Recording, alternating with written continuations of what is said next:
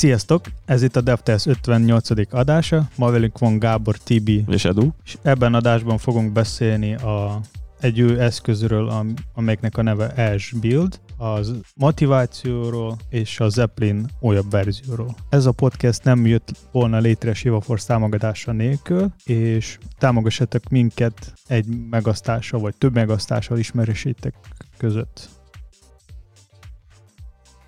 Igazából, amit én hoztam témának az, hogy a mikor jó dolgozni egy munkahelyen, mikor nem jó dolgozni egy munkahelyen, és ezt nagy mértékben befolyásolja szerintem az ember motiváltsága. Amiről szeretnék beszélni, és így kérdést földobni, hogy szerintetek mitől lesz igazán motivált egy fejlesztő, és hogyan lehet növelni egy fejlesztő motiváltságát? Hát szerintem az első fontos dolog az, hogy mindenkiben kell, hogy legyen egy belső motiváció. Tehát, hogy miért akarsz ezt csinálni, és mit akarsz ez, ezzel elérni. Tehát, hogy magát a szakmát szeresd. És ez bőven elég ahhoz, hogy van egy belső motivációd, és akkor nem fog érdekelni az se, hogyha nincs kontroll a feladatok fölött, mondjuk. Amit előbb elmondtam, ez szerintem a legfontosabb volt. Nyilván vannak, szerintem vannak csomó más ilyen apróság, ami, ami fontos, és ami néha tud ö, demotiválni. Tehát például, hogyha nincs rend a csapatban, nincs szabályok, meg egyéb más dolog, tehát egy idő után csak így, így elmegy az egész kedve bármit is csinálni ott. És akkor a projekttől megy el az ember kedve, vagy a, akár a kedved, vagy magától az egész szakmától megy el a kedved? Szerintem itt a leginkább a helyzettől függ. Tehát, hogy kiégés lesz, akkor lehet, hogy ebben az esetben lesz a, szak, a szakmai motiváció elvesz, elvesztés, vagy elvesztés? Elvesztés. Elvesztés. Többféle lehet, szerintem. Tehát lehet, hogy neked most nincs kedve, nem lesz kedved ebben a csapatban, vagy motiváció ebben a csapatban dolgozni, viszont más helyen tök szívesen dolgoznál, és szívesen újabb dolgokat tudsz behozni. Viszont lehet egy másik eset, amikor mind a kettő helyen nincs semmi motiváció csinálni. Lehet, lehet még az is, hogy mikor egy külső projekten dolgozol, vagy egy hobbi projekten dolgozol, akkor ez több motivációt ad neked, hogy egy másik csapatban legyen erőt dolgozni. Hm, tehát akkor a belső hozzáállással tudod hozni a szükséges motiváltságot ahhoz, hogy akár bármelyik csapatba dolgozhass. Igen, de szerintem ez ilyen ritka eset lehet. Hogy jó, hogy említetted ezt a kiégés témát, mert ugye nem véletlen lett ez már hát nem hivatalos betegség, de hogy én már hallottam olyat is, hogy gyakorlatilag így orvos ki is írhat mondjuk táppénzre, most nem tudom, hogy pontosan így megy a dolog, de hogy tehát gyakorlatilag ez valamilyen szintű betegség is, hogyha valaki kiég, és azért ezt is nagyon sok minden okozhatja. Szerintem az is, hogyha, vagy a leginkább az, hogyha nagyon-nagyon sokat dolgozol, és túlvállalod magad. Általában az szokott lenni az, a, az egyik dolog, és az is lehet több, több, annak is lehet több oka, hogy ez miért van. Tehát, hogy lehet, hogy azért dolgozol sokat, mert úgy gondolod, hogy nem jó teljesítesz, és szeretném minél többet, vagy az, hogy túl sokat várnak el tőled, ahhoz képest, amit tudsz, és még sorolhatnánk, de, de szerintem ez egy, ez egy belső kontroll kell ilyenkor, hogy ezt te tudjad magadba, tehát azt tud mondani, na most stop, most bármi van, most kicsit félrerakom a dolgokat, és legközelebb folytatom, és szerintem ebből aztán az jön ki, hogy ezt tudod kontrollálni, akkor, akkor egy idő után ez így beáll, és sokkal jobban fogod érezni magad, nem fogsz hirtelen nagy eredményt elérni, viszont egy stabil, állandó állapotot tudsz fenntartani, és ez fontosabb azért, mint hogy utána így megrekedje. Igen, szerintem itt nagyon fontos találni egy olyan pontot, amikor te tudsz a legrövid, a legrövid idő alatt legproduktívabban lenni, tehát most oda akarok kiöködni, hogy bennem például sokszor volt az, hogy visszamegyek haza a és, és kell valamit csinálnom, mert, mert így most itt van sok időm, és így elmegy a kukába, ha valami értelmeset nem csinálok. És igazából közben próbálok valamit csinálni, de nem vagyok túl produktív, még közben elkezdek valamit más nézni, vagy kutatni, és, és, és így is, és mégis kidobom az időt, és van az, az és marad az, az rossz érzés, hogy most így kidobtam az időt. Szóval, hogy fontos találni ezt a pontot, amikor 5 perc alatt tudsz akár, nem tudom, fél projektet megcsinálni, vagy, vagy csak most így nyilván ez nem lehet, de példaként. Például reggel így, nálam így szokott lenni, hogy néha egy óra alatt nagyon sokat tudok megcsinálni. És, és nyilván fontos pihenni, mert ha nincs pihenés, és így töltünk az időt, hogy most kell csinálni, de közben nem csinálok semmit, így, így nem is pihenjünk, és kidobjunk az időt. De ez most mind úgy hangzott, hogy igazából a belsőtől függ, vagy saját magadtól függ, hogy mennyire vagy adott motivált az adott projektben, az adott munkahelyen. Hát ez az egyik része most azt kezdtük el boncolgatni, de csomó külső tényező is befolyásolja ezt szerintem. Ha csak arra gondolunk, hogy, hogy ami szerintem nagyon tudja még motiválni az embereket, hogy legyen mindig ilyen legalább apró sikerélmények. Tehát, ha dolgozol egy valami mondjuk projekten, ami nagyon elhúzódik hosszú távon, és nincsen valami feedback közben, hogy az a dolog, amit te most mondjuk fejlesztettél benne, az tényleg jó lett, és valamilyen módon ezt nem az, hogy díjazzák, csak hogy, tehát érted egy visszajelzés, akkor egy idő után szerintem az is zavaró tud lenni, és akkor nem tudod, hogy ez most jó irányba haladsz, vagy nem jó irány, meg ilyenek. Ugye ezért vannak végül is részben a sprintfordulók is, amiket tartunk, mert az is végül is egy visszajelzés. Aztán lehet, hogy az a vége, hogy igazából szar volt, amit csináltál. Az is lehet egy demotiváló dolog, de azért sokszor szerintem, ha normálisan dolgozik valaki, akkor. Alapvetően a visszajelzés negatív, tehát hogy nem jó, amit csinálsz, az is motiváló tud lenni, mert irányt mutat, hogy Aha. hogy kellene jobban. Le lehet, hogy rossz úton indultál el, és ha mondjuk legrosszabb esetben ez két hét alatt nem derül ki, két hét után lehet, hogy kiderül, és nem az van, hogy mondjuk négy hétig vagy két hónapig csinálod azt, vagy mész abba az irányba. Szerintem amúgy a belső motiváció sokkal fontosabb, mint a külső, mert ha az ember fog függni, nagyon fog függni a külső motivációtól, akkor mikor eltűnik a külső motiváció, akkor, akkor az embernek nincs, nem, le, nem fog maradni motiváció, meg erő folytatni azt, amit ő már elkezdte. És én leginkább azt gondolom, hogy tehát fontos a belső motiváció, és a külső motiváció ez csak egy ilyen kis kiegészítő, ami nyilván tud... Tehát tudja indikálni ezt a belső motiváltságodat, vagy éppen tudja lehúzni? Nem az, hogy húzzon le, csak hogy pluszba tenni a te motivációdokhoz. Tehát, hogy nem kell függni a külső motivációról annyira, vagy nagyon mélyen. Tehát, hogy mondjuk, mondjuk én most péld, teszek egy példát, hogy dolgozok egy csapatba, ott van egy másik fejlesztő mellettem, és ő engem nagyon motivál bármit is csinálni. De hogy ő mondjuk elmegy egy másik csapatba, akkor maradjon nekem még a saját motivációt tovább folytatni, jó dolgokat csinálni, amit tudtunk együtt csinálni. És tudsz-e olyat, hogy esetleg te hogy motiválnál másokat? Tehát azzal, hogy amúgy te motivált vagy, és a belső motiváltságod megvan, milyen eszközökkel motiválnál másokat a csapaton belül, mint fejlesztő? Gondolkodtatok már ezen? Szerintem, fú, ez nehéz kérdés. Az a jó, hogyha egy csapatban vegyes típusú karakterek vannak. Tehát van olyan karakter, aki mindig behoz valami új, újítást, van olyan karakter, aki nem is feltétlen, úgy, ha most ugye fejlesztőkről beszélünk, nem is feltétlen szakmailag tudja feltüzelni, vagy felpesdíteni a dolgokat, hanem a karakterével tehát, hogy tud egy ilyen légkört csinálni, egybe tartja másmilyen formával a csapatot. Rutyókára gondolsz? Rutyóka például, igen. De hát jó, hát azért ott a szakmai dolog is ott van. Na mindegy. Szóval, hogy most nem sorolom, de hogy az a lényeg, hogy legyen mindenféle karakter, és ez a, ez a sok karakter különböző módon tudja motiválni a többieket. Szóval arra és... gondolsz, hogy mindenki kiegészítsen egymást? Igen, igen, igen, mert szerintem azt tud a legjobban motiválni valakit, vagy azzal tudsz te mondjuk motiválni valakit, hogyha olyan dologot próbálsz, hát nem ráerőltetni, de hogy olyan irány felé próbál terelni, amilyen irány felé mondjuk ő nem menne, mert nem olyan karakter. És ha ez pozitív dolog, reméljük az, nem rossz irányba viszed, akkor, akkor az például egy tök jó motivációt tud neki adni, mert lehet, hogy rájön, hogy hú, ez tényleg jó és ez így fel, fel, felpörgeti. Próbáltatok erre figyelni, hogy esetleg tudatosan motiváljatok kollégákat egy-egy feladat elvégzésében? Hát ha látom valakin, hogy nagyon demotivált, akkor igen, legalább olyan szinten, hogy beszélgetek vele, hogy veled mi van. De aztán hát nyilván kiderül utána, hogy mi baja van, akkor próbálod vagy te, vagy a csapat segíteni. De nehéz, vagy, vagy neked van ezzel kap, mert azt most úgy kérdezett, hogy ez most ilyen aktuális, hogy van valamilyen tapasztalat? Próbáltál így mondjuk te motiválni? Nem, alapvetően most pont olyan helyzetben vagyok, hogy egy projekten dolgozom, lassan egy több mint egy fél sprintje, Hmm. Egy projekten Akkor ez, ez már elég tartós. Abszolút flowba érzem magam, és most úgy tényleg így motivált vagyok. És De akkor... hogy téged ez motivál, hogy legyen hát egy most kerek így... egész valami, ami több ideig eltart? Feltűnően motiváltnak érzem most magamat, és azért hoztam is be ezt a témát, hogy megpróbáljam kideríteni, hogy mi az, ami ennyire tud motiválni, és mi az, amivel ezt akár másokra is ki lehetne hatni. Ez is lehet szerintem egyén függő, valakit azt pesdít fel, hogy sokszor kis dolgokba kell belenyúlni, amik különbözőek, és azok is apró sikereket adnak neki. Viszont ott van mindig a bizonytalanság ilyenkor, hogy nem tudod, hogy a következő nap, vagy az utáni nap mivel fogsz foglalkozni. Nem mindig így kicsit így, így improvizálva, a saját szakmai tudásodat használva, megpróbálsz mindig javítani a dolgokon, amire éppen megkérnek. Valakit ez motivál, mert ilyen apró kis löketeket kap. Valakinek meg az a jó, amit mondasz, hogy jó, most a fél sprint nyilván semmi, de lehet, hogy valaki azt szereti, hogy én legyek fél évig egy feladaton, és akkor azt teljesen ismerjem ki, ától zséig, minden kis porcikáját, és hogyha ezt ismerem, akkor én biztonságban érzem magam, és, és bárhova belenyúlok, tudom, hogy miért nyúlok bele. És lehet, hogy ez is egy ilyen motiváló eszköz. És az, hogyha mondjuk ilyen mentor szerepet töltetek be egy projekten,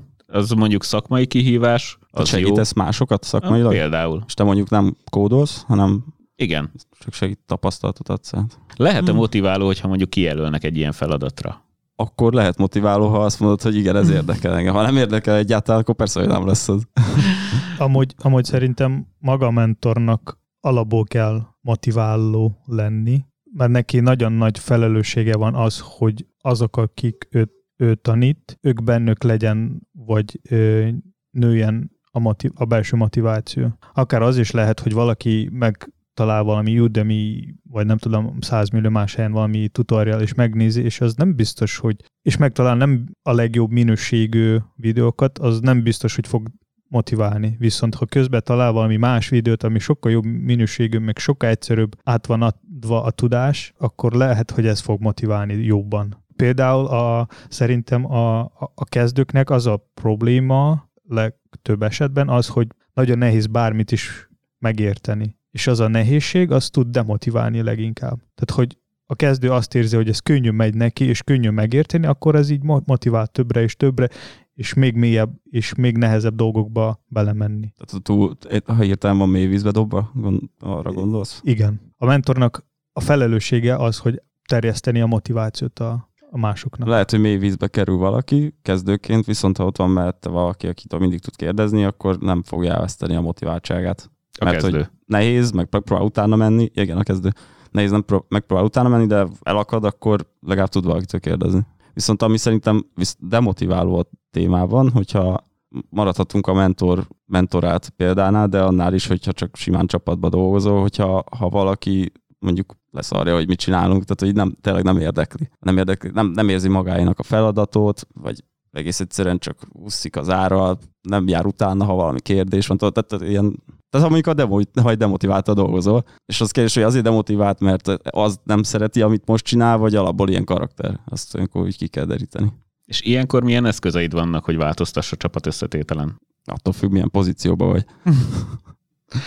Hát szerintem ebben az esetben, hogy ha az egész csapatot demotivált, tehát tényleg mindenkit, akkor szerintem a csapatnak kell összeülni, megbeszélni vele, ha ő nem érti, vagy hogy kicsit változon, hogy legalább, tehát maradj, nem kell neki változtatni a saját belsejét világot, hanem legalább csak, hogy nem motiv, demotiváljon a, a, a csapatot, tehát ha ez nem fog működni, akkor szerintem ott a következő lépés a vezetőséggel kell beszélni. Igen, tehát hogy először az emberrel, aztán majd egy, egyre föntebb és föntebb. Vannak ilyen mediációk, amit ilyen kócsok szoktak művelni, az is szerintem nagyon sokat tud segíteni amúgy. Az micsoda pontosan? Mediáció? Az, amikor így közelítik a nézőpontokat két eltérő embertípus között, és ezáltal úgymond kisimítani a viszonyt, hogyha ilyenről van szó. Jó, csak vannak például ilyen fejlesztők, akik nem érdekes semmi. Tehát, hogy nem érdekel az, hogy, az, hogy lehetne rövid, rövidebb kódot írni, egyszerűbb kódot írni, és ha egyszerűbb kódot írsz, akkor kevesebb hiba lesz, és hogy mondjuk kezelni a, rendesen a hibákat, meg figyelni Ashley szabályokra, meg egyéb más dolgot, tehát hogy ő megírja a saját kódot, az, az működik, tökélet, vagy működik, feature működik, kész, a többi rész nem érdekel, tehát ott hiába bármit is tudsz csinálni vele, szerintem. És hogy csapat összeáll, akkor mennyire, tehát hogy ez, ez már egy konfrontációs zóna lesz akkor, hogy egyrészt hiába beszélsz az emberrel, nem változik, utána a csapatot összerántani az elég nagy konfrontációt okozhat. Hát igen, de ebbe bele kell állni, mert hosszú idő után azok is demotiváltak lesznek, akik motiváltak voltak. Lehet, hogy építkezni akartak, jó dolgokat bevezetni, de lehúzta őket mondjuk azzal az az egy ember, hogy például nem akarja követni azokat az ötleteket, amiket ők behoztak, meg hogy egyszerűen nem ismeri föl, hogy ő, ő, neki ez most így nem pálya, amiben van. És hol van itt a felelősségi határ, hogy ezt kihozza föl, mint témába? Tehát, hogy uh, hol hozott föl, hogy dobod ezt be? Hogyha felismered, hogy te most demotivált vagy? Akár azt, hogy én vagyok demotivált, vagy azt, hogy akár a kolléga demotivált. Múltkor beszéltük a, ugye retrót, meg ezeket az eseményeket, szerintem azokon lehet ezt bedobálni. Nem kell bántóan, meg most nem így fogod mondani, hogy hallott Pityu, te figyelj, rossz rád nézni, nem akarok veled együtt dolgozni, hát menjél már innen el, hogy valamit kezdjél magad, de nem, nem ez van nyilván, hanem hát így jelezni lehetne, hogy szerintem nem működik úgy a csapatmunka, hogy kéne, meg hogy valamit ezen kéne javítani, nézzük már meg, hogy múltkor láttam rajtad, Pityu, hogy nem biztos, hogy úgy igazodtál dolgokhoz, hogy kéne, ennek volt valami oka, vagy most nem jó valami, vagy tehát ilyen kis rávezetéssel szerintem ezt lehet, lehet vinni. Lehet elmenni egy sörre. Vagy Akár, több, igen, lehet, vagy hogy több. csak izé, ennyi kell. Vagy csoki, vagy valami Voltatok-e más. már ilyen szitubati amúgy?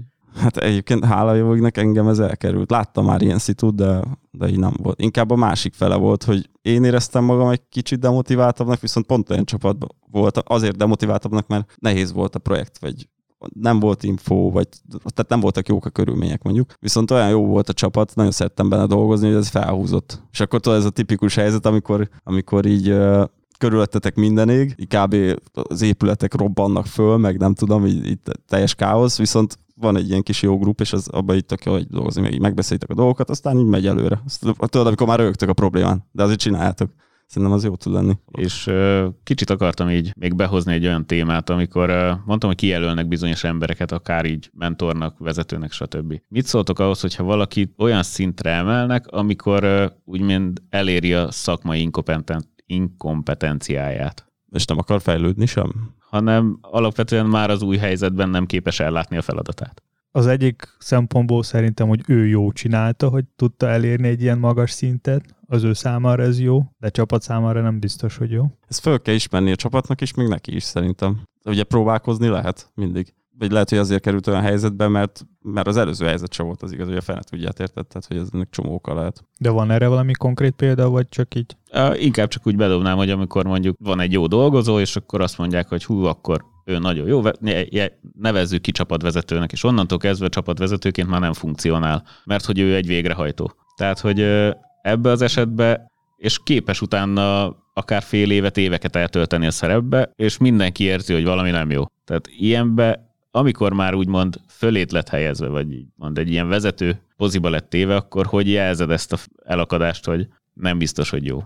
Hát a fölötte. Már hogy mi az, hogy hát a fölötte? Hát a, f- Már a hogy fel... aki fölötte van, ő Igen. jelezze? Igen. Szerintem nem. Hát szerintem akivel dolgozik, vagy akikkel dolgozik, ott kell legyen egy olyan viszony normális esetben, hogy, mert érted, attól még, hogy valaki csapatvezető, az nem azt jelenti, hogy tényleg szintben a csapattagok fölött van szerintem. Nem, nem érzem én azt. Tehát ő a csapatnak egy tagja, aki inkább csak pluszba próbál irányt mutatni. Vagy más szerepe van egy kicsit, mint a többieknek, de akkor is egy csapatként működik a dolog, és akkor működik jól egy csapat, hogyha ők egymás közt ezt le tudják fájtolni. Tehát nyilván fontos a visszajelzés, de amit előbb is beszéltünk, hogy nem biztos, hogy mindig fog az az ember konstruktívan reagálni, vagy bárhogy is reagálni erre, és lehet, hogy továbbra is fog így maradni, tehát olyan maradni, amilyen volt eddig. Ilyen esetben szerintem érdemes menni kicsit föntebb valakihez, ha van ilyen lehetőség, ha nincs, akkor az egy nehéz eset. Nehéz Az is eset lehet, hogy lesz. csak abban a csapatban nem működik. De, ny- tudja. de, nyilván, ha- az, de nyilván a- egy, ezzel egyetértek, hogy azzal kell kezdeni, hogy mint adni a visszajelzést. És az anyagiak? Szerintem mondjuk ki, ez fontos. És Mindenkinek fontos. És Tehát, szerintem nem az utolsó. nem az utolsó, nem is az e- mindenkinek, ugye mindenki maga válogatja. Ha motivált vagy egy adott helyen, váltanál magasabb fizetésért egy másik munkahelyre? Már ne célozzuk meg most konkrét embereket. Nem, tehát hogy mennyire fontos, írt, mondtuk azt, hogy nem utolsó szempont az, hogy anyagilag is Van megfelelően. ilyen, van ilyen eset, hogy valaki azért vált, mert valahol kap 50 ezerre többet. Szerintem van. És vajon Mondtam az, hogy a számot. megfelelő motiváltságod van benne az a jelenlegi munkahelyen. Másik munkahelyen ez egy elég nagy rizikó, hogy ugyanolyan motivált lesz-e ott is, vagy sem. A másik, a másik helyen inkább az a rizikó, hogy nem tudsz, hogy mi lesz ott, vagy nem vagy biztos. Amit előbb mondtam, a, az a kis összegkülönbség. Tehát szerintem, hogy reálisan nézzük, nagyon ritka az, hogy valaki ilyen kis különbség miatt csak a pénzügyek miatt vált. Tehát ez inkább akkor lehet, hogyha neki ele- eleve már baja van. Tehát valamiért nem szeret már ott lenni, ahol nincsen szakmai kihívása, stb. Tehát ilyenek. Hogyha csak pénzért vált valaki, akkor az szerintem nagyobb összekülönbségnél van. Alapból, átlagosan mondjuk. Vagy rossz a csapat, ugye? Az, az szerintem még az nagyon fontos.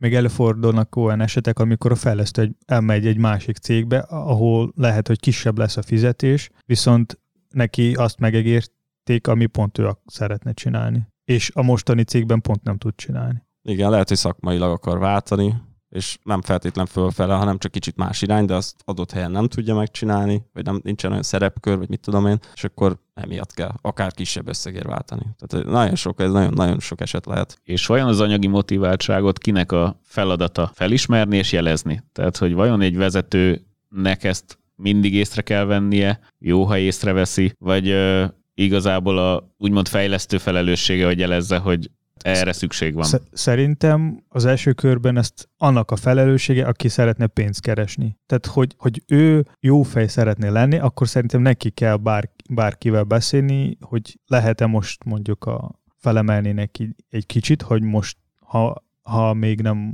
annyira jó a fizetés, amit ő szeretne, vagy elmenne egy másik helyre, és nem beszélni a fizetésről, vagy pénzről, akkor ebben az esetben nem biztos, hogy jó lesz, jó fej lesz. Mert így, így legalább a, a vezetőség fog tudni, jó, te most így jötted hozzám, most mi tudjunk, hogy miért vagy demotivált, mert neked mondjuk kicsit többet kell adni, de viszont nálunk úgy olyan helyzet van, hogy mi nem tudjunk neked felemelni, és így mindenki, tehát mindenkiben nem lesz az a rossz érzés, hogy nyilván az, aki elmegy, annak neki nem lesz rossz érzés, mert ő elmegy egy jobb helyre, viszont a vezetőségnál lehet, hogy fog maradni a rossz érzés, mert így nem tudták, hogy mi volt az oka. Nem is mondta, csak így elment. Tehát e, abban az esetben, amikor mondjuk a vezetőség nem tud több pénzt adni a fejlesztőnek, akkor a másik lehetőség az lehet, hogy fel, felajánljak neki valami kicsit másabb munkát, vagy egy nagyobb, nem tudom, valami bónusz a munkába, vagy kicsit más szerepkör, vagy, vagy, vagy nem tudom, tehát hogy, hogy kicsit tudna jobban tudna motiválni a fejlesztőt is, így, és, hogy, és maradni az adott cégben, és majd valamikor nyilván a kis emelés. Karrierút. Igen, jelleggel is, tehát hogy maga a fejlesztő akár más szerepkörben kipróbálja magát az adott munkahelyen. Igen, például lehet az, hogy például, hogy kicsit több home office, vagy... Oktatások, tanulási lehetőség. Igen, vagy, Ez keve- sokat vagy kevesebb, kevesebb dolgozni, mondjuk valamelyik péntek, vagy csütörtök egy órával kevesebb, vagy kettő. Tehát, hogy sok-sok lehetőség van, csak ezeket jóban, hogyha mindenki megbeszél. De nyilván ez fejlesztőből kell, hogy induljon. Akkor evezzünk másik bildekre. Igen, elég érdekes tót találtam, ami, amelyiknek a Build a neve. ESBuild. ESBuild, mint e, e, ECMAScript modul, ami arra való, hogy buildelni a JavaScript-es JavaScript-et. Tehát nagyon hasonló, mint a Webpack, Parcel, vagy bármilyen más ilyen hasonló eszköz. Miben tud többet? Tehát egyrészt fontos tudni, hogy ez csak egy proof of concept, tehát hogy nem érdemes éles projekteken használni. A Go-ban van megírva, és ami itt a GitHub oldalon van info róla, tehát van, egy, van ott egy benchmark, ami szerintem legérdekes info, ami van erről a projektről, és ott a fejlesztő azt csinálta, hogy tízszer behúzta a tri 3GS nevű libet, és próbálta lebildelni egy valamilyen Fusebox Next eszközzel, aztán a Parcella, Webpack-kel, Rollup-ol és ezzel az S build és ott eléggé nagy különbség a build időben van, 10 vagy 100 szoros. 10 vagy 100 szoros? Igen. Ez nem hangzik rosszul. Tehát, hogy megnézni ilyen kicsit mélyebb a számokat, az uh, Parcel az volt 124 másodperc, a Webpack az 46. A Rollup 40. Flash build pedig 0,54. Igen, tehát az, hogy... Az elég komoly különbség azért. És az azért van, mert a, ha jól tudom, a JavaScript az csak egy szálon fut, tehát hogy ő csak egy, egy magot használ ki, viszont a Go ő több szálon tud futni, és azért ő ilyen jó performance tudta mutatni. És számomra például ez mutatja az, hogy, tehát nyilván ez nem volt titok, csak hogy eddig nem is volt ilyen praktikák, hogy más nyelveken csináljunk, vagy írja valaki, vagy, haszn- vagy más nyelveken legyenek a JavaScript buildes, buildelős eszközök. Tehát akkor ezek szerint a webpack meg a parcel is JavaScriptben vannak írva? Igen. Őket Node.js futtatja, és ott az a probléma, hogy ők csak tudnak egy szálon futni. Nyilván vannak pluginok, ami megígérnek, hogy ők mintha paralelbe futnak, meg mindenféle ilyen magic trükkök, de ez, ez igazából nem, nem így működik, vagy nem, nem igazán így működik, ahogy kell. Szóval én oda akartam kiukadni, hogy számomra ez, ez a S-Build projekt az mutatja, hogy lehet, hogy nekünk tök más irányba kell menni, és onnan keresni a fejlesztők, akik tudnak más nyelveken lefejleszteni build eszközök, ami, amit tudnak nekünk könnyíti, könnyíteni a munkákat. Mert például, amit én tudok a Go-ról, az, hogy egy Go, egy Go mondjuk Hello World alkalmazás, ez pár megabyte memóriából használ. A nódus az 50 fölött, vagy 20-50, abban nem tudom, nem vagyok biztos. Jávas például, Gábor hát, mennyi? A jávások nem nézik a memória használtságot, mi maradjunk ennyibe. Jó, jó, ez mint a, mint a nőknek a kor. Igen, nem kérdezzük meg, hogy a jávásnak mennyi memória kell. Az, hogy Gót említettél, mint nyelvet, azt uh, valószínű azért nem született még talán ilyen build eszköz, mert hogy a másik nyelv, amit így a JavaScript-esek körében nagyon lehetett hallani, ez a Python volt, viszont a Python is uh, hardlockolva van, hogy egyszerre csak egy threadet tud ő is futtatni. Szóval lehet, hogy azért nem születtek eddig olyan megfelelő build eszközök akár Pythonba, mert hogy ott sem lehetett a megfelelő performanciát kiaknázni. Nekem még az kérdés, hogy ez platform független? Igen. Tehát a Go, a Go az bár, tehát a Go-nak az az előnye, hogy te bármelyik platforma, bármelyik platformul tudsz buildelni. Aha. Ja, ez fontos igazából. Tehát, hogy mondjuk én lefeleztem, vagy ami ez a S-build akár Linuxon le van fejlesztve, te tudsz lebuildeni ezt a S-buildet úgy, hogy az Windowson is működjön, úgy, hogy neked a Windowson nem is, nem is lesz szükség bármit is pluszba telepíteni. Csak letöltesz ezt az S-buildet, és, és annyi. Sőt, én annyit is tudtam csinálni, vagy elkezdtem kicsit tanulgatni a Go-t, és ugyanúgy a mac megcsináltam Hello World-ot, lebuildeltem egy exe fájlat, és tudtam futtatni semmi gond nélkül a Windowson. Macről. Most, most a, ez a S-Build támogatja Common IS modulok, S6 modulokat, tud minifile GSX-et is támogatja, meg talán TypeScript-et, viszont igen, ez még csak ilyen proof of concept. De, de jó lenne, hogy, hogy a frontend fejlesztők elindulnék ebbe irányba, és, és egyre több ilyen eszköz lenne, mert ez szerintem egy így nagy, nagy segítség. Galmasan hangzik. Mondjuk maga a Go nyelv is, tehát hogy a Google által támogatott dolog. Néztem én is néha a szintaktikáját, és gondolkodtam a megismerésében, hogy nagyon hasonlít a jávára, és hogy lehet, hogyha lenne valami kellően könnyű framework hozzá, mint mondjuk jávához a Spring, akkor lehet, hogy érdemes lenne ezt is kipróbálni. Zeppelin.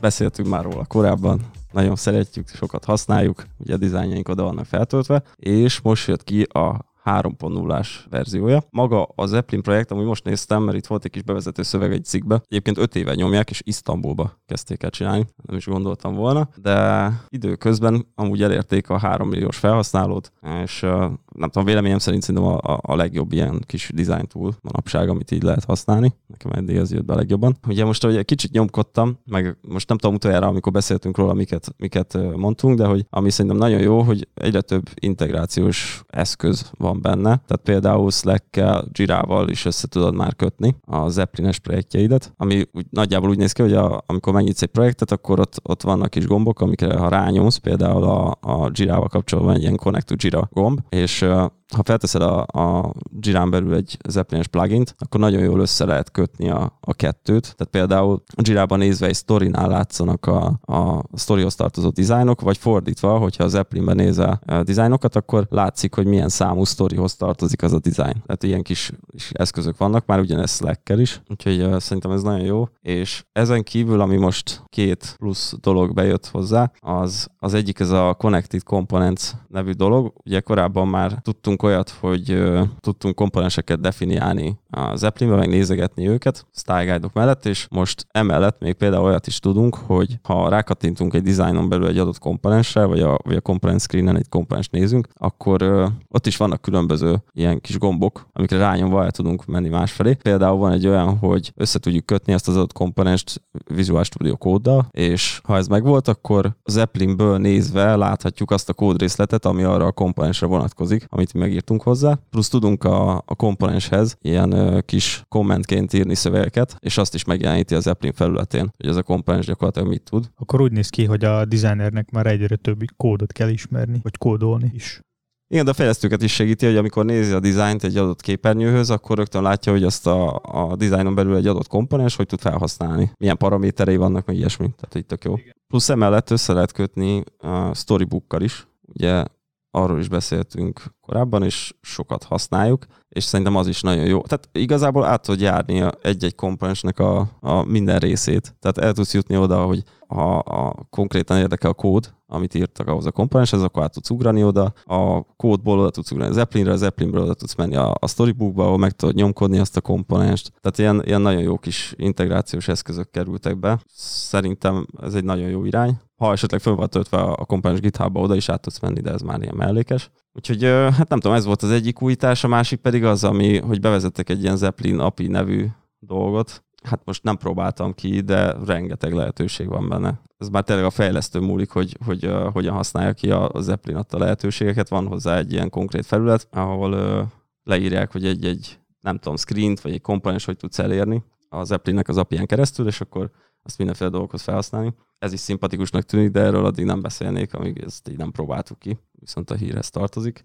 Úgyhogy ennyi. Meg ahogy így nézegettem, szerintem utána nem beszéltünk arról, hogy ugye vannak mindenféle extensionok is már Zeppelinhez. Nem tudom ki mennyire használja, tudunk mindenféle kód részletet generálni, amit ő eleve készít egy komponenshez, például ugye CSS-t, vagy adott esetben nem csak natív CSS-t, hanem mondjuk SCSS-t, HTML részletet, stb. stb. Ezt mind le tudjuk tölteni extensionként. Szerintem annyira nem feltétlen hasznos, mert amit az Appling generál kódot, az egy az egybe általában nem tudjuk felhasználni, mert nem olyan stílusban generálja, hogy mondjuk az nekünk megfelel, de, de ez is egy, egy ilyen kis jó irány. Zeppelinről egy olyan kérdésem lenne, hogy ebben lehet olyanokat csinálni, amikor a designon egy-egy gomb kattintható, és akkor átnavigál egy másik oldalra, hogy így ilyen Ilyen proto- prototípusra gondolsz? Igen. Szerintem nem lehet, erre vannak más eszközök, ahol szokták használni.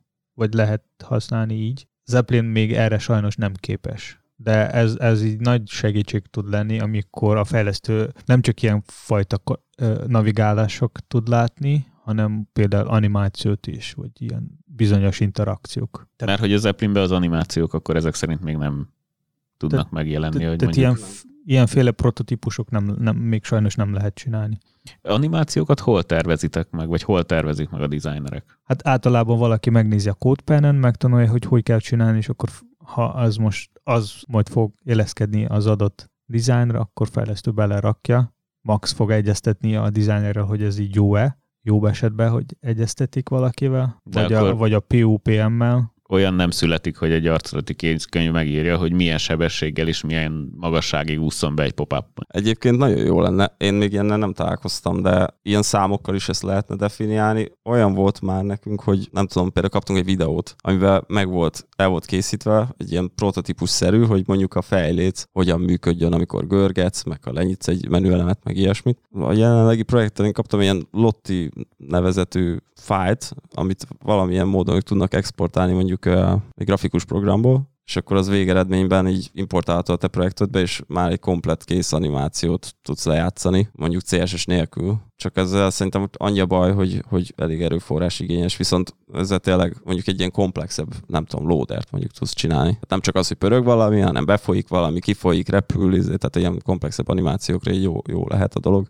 De amit lehet, azt szerintem CSS-ből érdemes. Szóval igazából maga az animáció, ez egy ilyen külön folyamat a fejlesztésben, meg a design fejlesztésben is, amelyekre külön kell figyelni, és külön budget is kell, mert, mert ilyen komplex projekteken ez, ez sok időt igényel. És vajon a felhasználók mennyire szeretik ezeket az animációkat? Tehát, hogy mennyire, mikor jó egy animáció? Ha a felhasználónak feltűnik és észreveszi, hogy hú, itt animálódik valami, vagy hogy alapvetően észre sem veszi, hogy felvillan az a popáb, vagy beúszik az a popáb, vagy...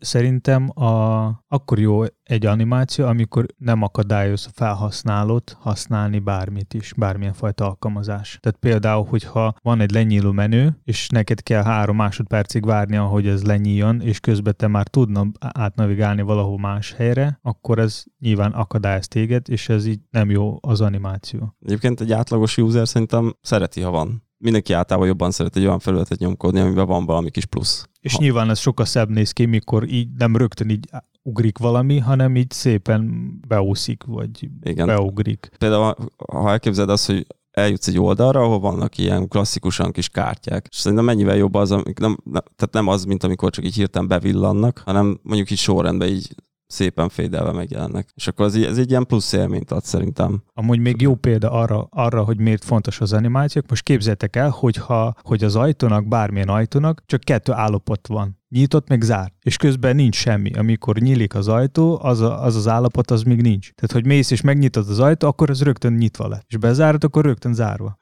Igen, csak Tehát, hogy nincs az a folyamat, mikor nyílik ilyen pár másodperc maga az viszont ajtó. Mennyivel gyorsabban bejutsz. igen, csak ilyen nagyon furcsa érzés lenne, amikor, vagy, vagy nem tudom, tehát bármilyen más, ami, ami a valós világban történik, ami, aminek van ilyen köztös állapot, az így furcsa lenne, ha az a köztös állapot az nem lenne. Ja, hát szerintem ez, ez olyan, hogyha nem tudom, elmész színházba, lehet, hogy nagyon jó játszanak a színészek, viszont a díszlet is sokat számít. Ez ugyanaz. Szerintem ellátogatsz egy oldalra, amellett, hogy hasznos dolgokat akarsz onnan kinyerni, vagy in- elintézni a dolgaidat, amellett szerintem fontos, hogy azért az, az szépen is nézzen ki. És a szép kinézet mellett ugye, vagy abba beletartozik az is, hogy ilyen kis apró animációk legyenek. Lehet, hogy olyan is lehet, hogy nincsen túltolva egy oldalon ez az egész, viszont van egy vagy két pont, amikor tényleg egy ilyen nagyon fancy valami történik, és az már annyira lekötő, hogy fú, ez valami profi dolog, tudod. Az is simán lehet, hogy nem működik jól az oldal, meg nincs is annyi információ ott, ami téged érdekelne, tehát alapvetőleg nem hasznos annyira egy oldal, viszont ha van benne egy-két ilyen fancy dolog, azt mondja, hogy fú, ez, ez valami profi dolog, tudod, ez, jó használni. Igen, Tehát nagyon a font, villantás. A, ja, hát egy villantógránát, ja. azért nagyon fontos az, hogy a loaderek az ilyen folyamatos legyenek, nem ilyen akados, mert ez nagyon zavaró lehet. nem szabad túltolni, nehogy epilepsziás rohamot kapjon a felhasználó, meg, meg fontos, hogy ne akadozzon, tehát hogy a performancia ne legyen azért lassul az oldal, mert mindenhol mindenféle szép animáció van. Mert a cél az az, hogy információhoz jusson az ember. Ennyi fért bele a mai adásba. Ha van valami ötlet, kérdés, vagy bármilyen visszajelzés, akkor írjátok nekünk nyugat, nyugodtan Facebookon, Twitteren, e-mailben, és hallgassátok minket legközelebb is. Sziasztok! Ciao. Sziasztok!